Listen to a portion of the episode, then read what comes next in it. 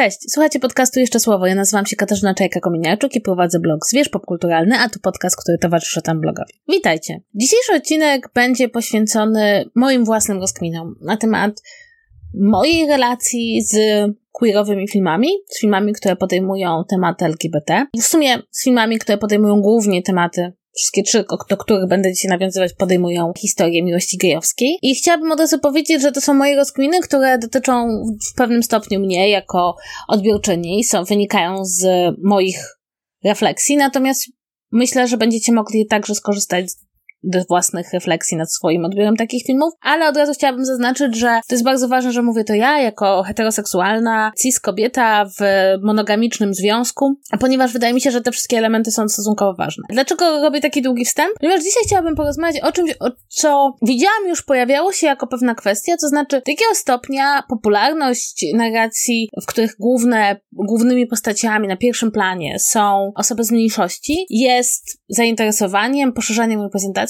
a kiedy może się odcierać o pewne fetyszyzowanie takich związków, takich grup i staje się mniej takim spojrzeniem na zasadzie tak, chcemy, chcemy jak najwięcej reprezentacji, tak, chcemy oglądać różne historie o różnych osobach, a bardziej staje się takim ciekawskim podglądaniem czegoś, co jest inne, od tego, co do, dobrze znamy. Jak będę mówić, to wydaje mi się, że stanie się jasne, o co mi chodzi. Obejrzałam ostatnio trzy filmy i chyba mi się wydaje, każdy z tych filmów dobrze reprezentuje różne podejście do sprawy, ale także różne motywacje moje, ale także być może innych oglądających do obejrzenia filmu i zastanawiałam się, jaka jest moja pozycja względem tego, co film pokazuje. Pierwszy film, o którym chciałam wam powiedzieć, nazywa się Pływak. Można go obejrzeć na HBO Max. To film izraelski opowiadający o młodym chłopaku, który trafia na zgrupowanie pływaków, spośród których jeden z nich zostanie wysłany na olimpiadę. I mamy tutaj dwa wątki. Jeden to wątek rywalizacji, pytania, czy w świecie, gdzie mamy taką rywalizację sportową, może być w ogóle mi miłość scena, przyjaźń przyjaźń czy miłość. No a druga sprawa to, to przecięcie się świata sportu ze światem queeru, to znaczy innymi słowy, czy można być gejem w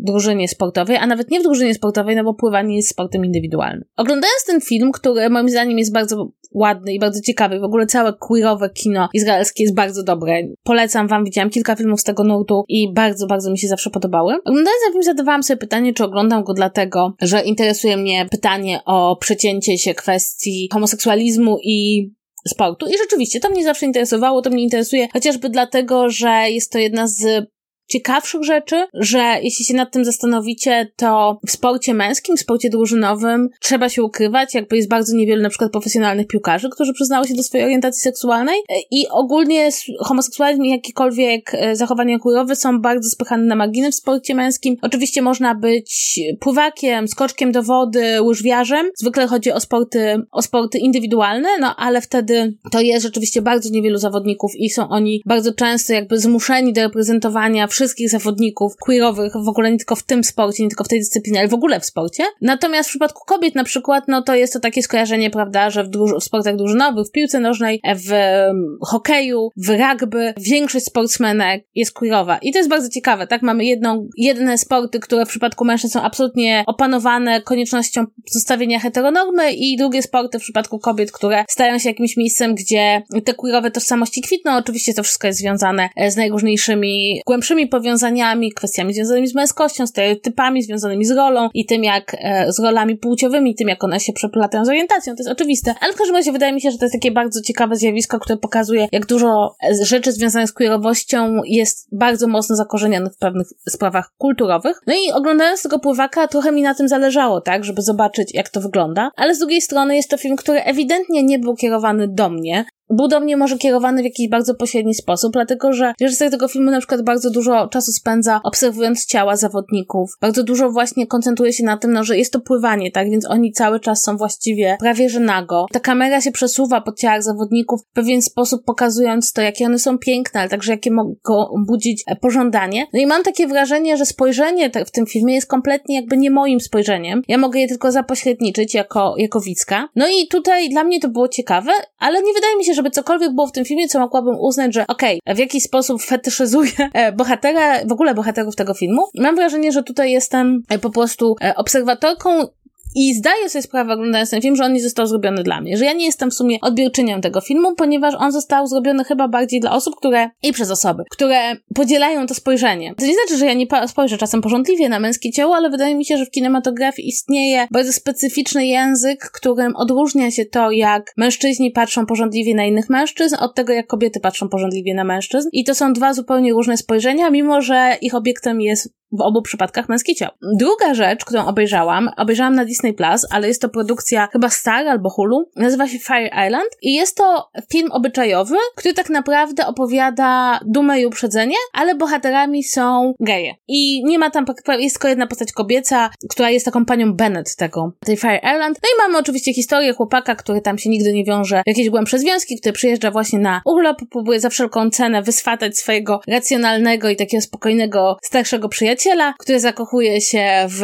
bardzo przystojnym lekarzu, który też jest nim zainteresowany. I ów lekarz ma swojego przyjaciela, który z kolei jest naburmuszony. I mamy tutaj bardzo dużo jakby takiej refleksji nad tym, że też w tej społeczności amerykańskich gejów jakby przynależność klasowa i rasowa jest wciąż bardzo ważna, zwłaszcza przynależność klasowa, bo nasi bohaterowie, nasi Bennettowie są realnie ubożsi od pana Darcy w tym filmie i od e, pana Bingleya w tym filmie, oni się nazywają oczywiście inaczej. No i tutaj miałam takie wrażenie, że ponownie nic złego się nie dzieje, ponieważ tak naprawdę mamy do czynienia z taką refleksją, okej, okay, znamy tę opowieść w wydaniu heteroseksualnym, jak ona by wyglądała w wydaniu, gdyby wszystkie postacie były queerowe. Oczywiście to oznacza kilka zmian, których zdecydowanie Jane Austen by nie napisała, chociażby mamy pierwszą dumę i uprzedzenie, gdzie są dark roomy i do jakiegoś stopnia tak naprawdę ten film bardziej koncentruje się na tym, że nasi bohaterowie są podatni na wykluczenie w ramach grupy gejów przez to, że są azjatyckiego pochodzenia. To jest bardzo ciekawe, bo wchodzimy już w taki nurt narracji, gdzie nie mamy społeczności queerowej kontra społeczność, prawda, hetero, tylko mamy, zagłębiamy się w podziały w ramach tej społeczności, podziały klasowe, rasowe i właśnie te wszystkie rzeczy, o których jakby nie widzimy, kiedy wydaje nam się, że ta społeczność jest cała. I powiem tak, że dla mnie to było ciekawe i wydało mi się, że jest to zdecydowanie film, który stara się przede wszystkim zrobić coś, co jest chyba takim szczytem reprezentacji, czyli pokazać nam, jakby ta historia wyglądała gdybyśmy ją powiedzieli z innymi bohaterami, co by trzeba byłoby zmienić, co pozostałoby takie same. To jest już film bardzo mocno skierowany do mnie, to znaczy do takiego widza, który do tej społeczności najprawdopodobniej nie należy, ale jest nią zainteresowany, wydaje mu się, że to jest fajne i też szuka pewnej romantyczności w tym, że no, powiedzmy sobie szczerze, dzisiaj opowiadanie o różnicach klasowych w związkach hetero straciło swój urok, że się tak wyrażę.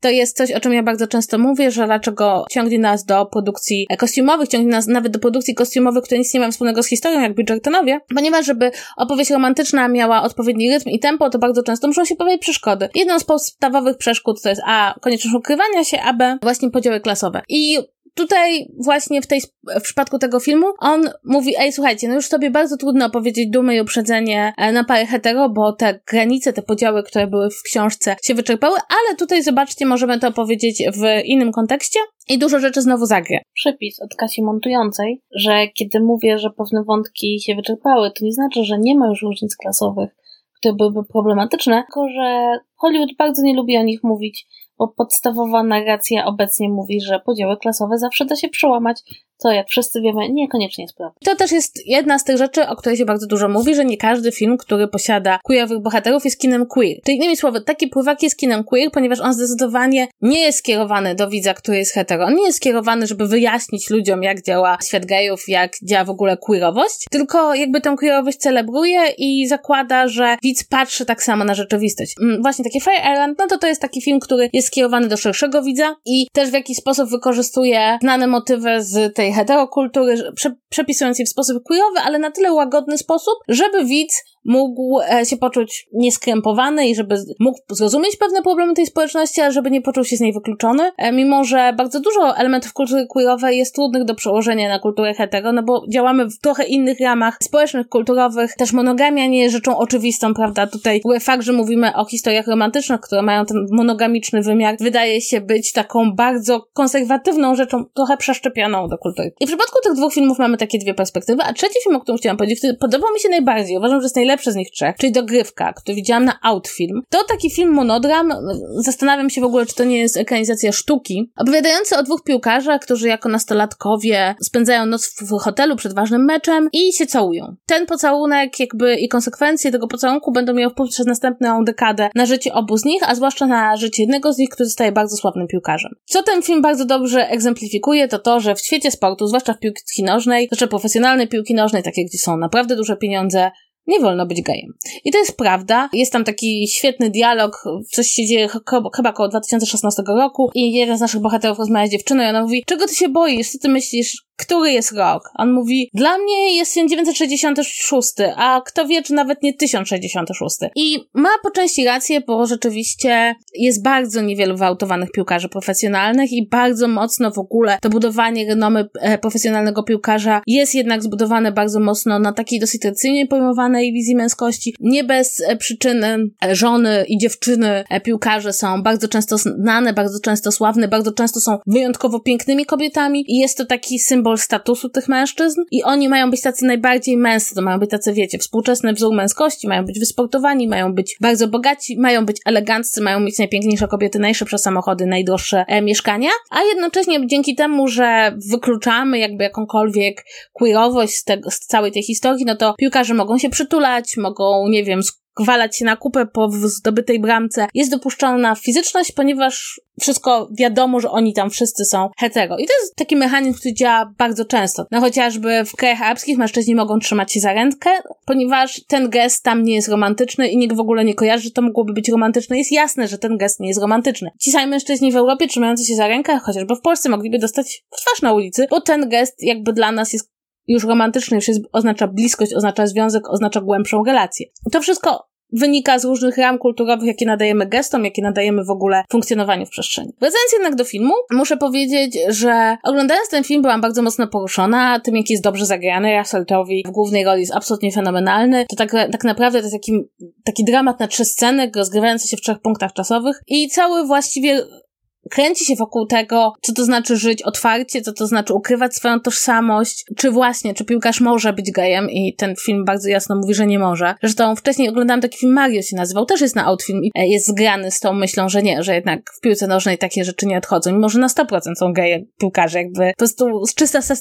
czysta statystyka nam to mówi. Oglądając ten film, z jednej strony się bardzo wzruszyłam i bardzo mi się podobał, a z drugiej strony zdałam sobie sprawę, że tak naprawdę moje zainteresowanie sytuacją bohatera wynika z tego, że jego cierpienie, jego niemożność funkcjonowania otwarcie w sklepie, w świecie jest interesujące. To jest taka porządna sytuacja dramatyczna. W tym momencie zdałam sobie sprawę, że tak naprawdę to, co mnie najbardziej przyciąga do tego filmu, to jest z jednej strony pożądanie, a z drugiej strony niemożność zrealizowania tego pożądania. Coś, co jest najbardziej klasycznym jakby motywem melodramatycznym, jaki istnieje. Tylko kwestia polega na tym, że o ile kiedy oglądam film kostiumowy i powiedzmy ta niemożność wynika z różnic klasowych czy społecznych, to mogę sobie powiedzieć, ok, oglądam coś, co nie jest w tym momencie realnym problemem, e, jest jakby zakonserwowanym w historii momentem w czasie. Natomiast homofobia jest nadal obecna i nadal bardzo wiele osób przeżywa takie dramaty. I ja, jakby szukając tego, czego zawsze szukam w sztuce, czyli pewnego napięcia pomiędzy tym, co bohaterowie chcieliby móc zrobić, a czego nie mogą zrobić, to ja uwielbiam zawsze, jak to jest w kulturze, tak naprawdę Moja przyjemność wynika z tego, przyjemność, czy właściwie jakieś takie emocje wynikają z tego, że oglądam dramat, który jest możliwy tylko dlatego, że homofobia jeszcze istnieje. I gdzieś tak pośrednio czerpię jakąś emocjonalną satysfakcję z homofobii. I to jest przedziwne, bo ja nie uważam, że było jasne, ja nie, nie, nie doszłam do wniosku, że jestem homofobiczna i popieram homofobię, tylko raczej tej wielkiej dyskusji odnośnie tego, jak my, hetero, cis osoby możemy patrzeć e, na historie queerowe, zadanie sobie pytania, czy to, co nas najbardziej intryguje w danej historii, nie jest w jakim stopniu pochodną wciąż istniejących uprzedzeń i wciąż istniejących problemów, jakie ma dana społeczność, jest bardzo ciekawym punktem przystanięcia i zastanowienia się, bo mi się osobiście wydaje, że tak jest, że to, co mnie najbardziej pociąga w tej historii, to ta niemożność, a ta niemożność wynika z tego, że świat wygląda tak, a nie inaczej.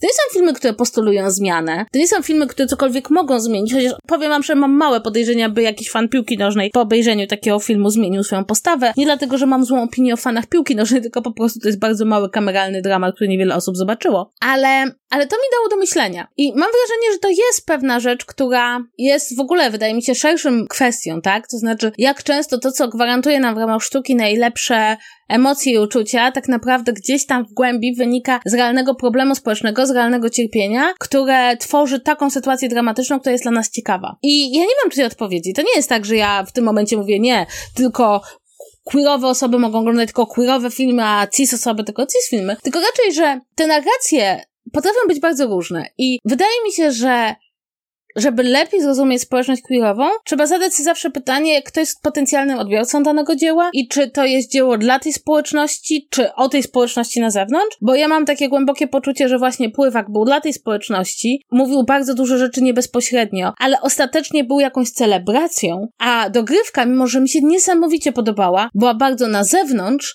i tak naprawdę była z jednej strony opowieścią homofobii, takie opowieści są konieczne, a z drugiej strony cały ten dramat w tym filmie, który z myślę, że wielu osobom jakby poruszył, wynikał z tego, że opowiadamy właśnie o czymś, czego nie powinno być. To jest bardzo trudne, dlatego że ja nie mam odpowiedzi na to, tylko raczej zwróciłam uwagę, tak spędzając jeden dzień oglądając te trzy filmy jednego dnia, to też był ciekawy dzień, że w tych queerowych opowieściach mam bardzo często wrażenie, że osoby, które są hetero chciałyby być na pierwszym planie, chciałyby, żeby takie opowieści były do nich, a tymczasem to jest bywa niekiedy ślepouliczka. George Araki, jeden z najważniejszych reżyserów kina queerowego bardzo przestrzegał reżyserów, na przykład Gusa Van Santa, żeby tego nie robił. To było w czasach kina New Queer. Mówił, że to, to zabije kino queerowe. I im więcej oglądam takich filmów, tym bardziej się zastanawiam, czy nie miał racji. Bo właściwie co ja mogę powiedzieć, tak? Jakby Araki był wybitnym reżyserem. ja nie jestem wybitnym reżyserem. Ale, ale to jest ciekawe. Jakby te różne perspektywy, które te filmy nam dają. No i też e, tutaj na sam koniec chciałabym powiedzieć, tak e, trochę się odwołując do ostatniej sytuacji z Kitem Connorem, aktorem grającym w Hard Stopper, który został przez tu wielki cudzysłów fanów czy widzów serialu zmuszony do coming outu, że jednak to oglądanie tych filmów niekoniecznie od razu przekłada się na ich zrozumienie i bardzo często mam wrażenie, że zwłaszcza kiedy mówimy o przecięciu się świata kina ze światem rzeczywistym, tym kto gra jaką rolę, kto ma jaką orientację, może dojść do bardzo niepokojących zjawisk, kiedy zamiast celebrować coś, co jest queerowe, jakby wchodzimy w świat bardzo toksycznych zachowań. To mogę wam dać taką pracę domową, że jak następnym razem będziecie oglądać jakieś queerowe kino, zadać sobie pytanie, czy ja jestem widzem, który, dla którego zrobiono ten film, czy jestem gościem w świecie jakichś punktów odniesienia, czy dramat dramat w tym filmie, ta dramaturgia, która tutaj jest dla mnie najważniejsza, nie wynika przypadkiem z tego, że znowu robimy teatr jakiegoś cierpienia, bo to jest bardzo często w przypadku kina queerowego. No i po trzecie, tak, czy moja intencja oglądania tego filmu jest taka, że jestem ciekawa, kim są bohaterowie, co robią w danym momencie, co się z nimi stanie, czy to chociażby jak w przypadku Fire Island, jak historia, którą doskonale znam, będzie wyglądała w innej interpretacji, czy też chodzi o to, że po prostu to jest takie smutne i dramatyczne, że nie wszyscy ludzie są hetero i muszą przeżywać takie smutne rzeczy, bo jeśli to ostatnia rzecz, no to należałoby się zastanowić, czy to jest na pewno pewno najlepsza motywacja. Ja nie mam dobrej odpowiedzi. Jak już wam mówiłam, sama zaczęłam się na tym zastanawiać bardzo niedawno. Też wiem, że są takie pytania odnośnie książek. Obecnie bardzo są popularne queerowe romanse. I ludzie sobie zadają pytanie, czy czytają te queerowe romanse dlatego, że chodzi im o fajny romans, czy dlatego, że jak dwóch facetów się całuje, to jest to bardziej podniecające niż jak całuje się kobieta i mężczyzna. I czy to przypadkiem nie jest coś gdzieś tam w jakimś fetyszu. Ja nie wiem. Ja nie wiem, powiem wam szczerze. Dla mnie, dla mnie te romanse są bardzo często lepiej napisane, ponieważ muszą pewne rzeczy wymyślić na nowo i nie mogą opierać się na zgranych schematach narracyjnych, ponieważ zgrane schematy narracyjne niekoniecznie pasują do tej sytuacji. Ale z drugiej strony, nie wiem, przyznam wam się szczerze, nie wiem, bo też ocenianie własnych motywacji, sięgania po jakieś dzieła nie znaczy jeszcze, że, że oceniamy je dobrze albo że do końca się rozumiemy. Mam nadzieję, że te rozkminy były dla was fajne. Jeśli macie własne przemyślenia, to będę bardzo zadowolona, się nim podzielicie. No i to co? I to tyle w tym tygodniu. Do usłyszenia za tydzień. Mam nadzieję, że spodobały Wam się moje polecajki. Wszystkie trzy filmy możecie zobaczyć na streamingu. I co? I jeśli Wam się podobał ten odcinek, to stawcie ocenę i przede wszystkim podzielcie się z nim z innymi, bo dzięki temu więcej osób usłyszy ten odcinek i będzie mogło dołączyć do naszej dyskusji, rozkminy i rozmowy. Dziękuję, do usłyszenia. Pa, pa!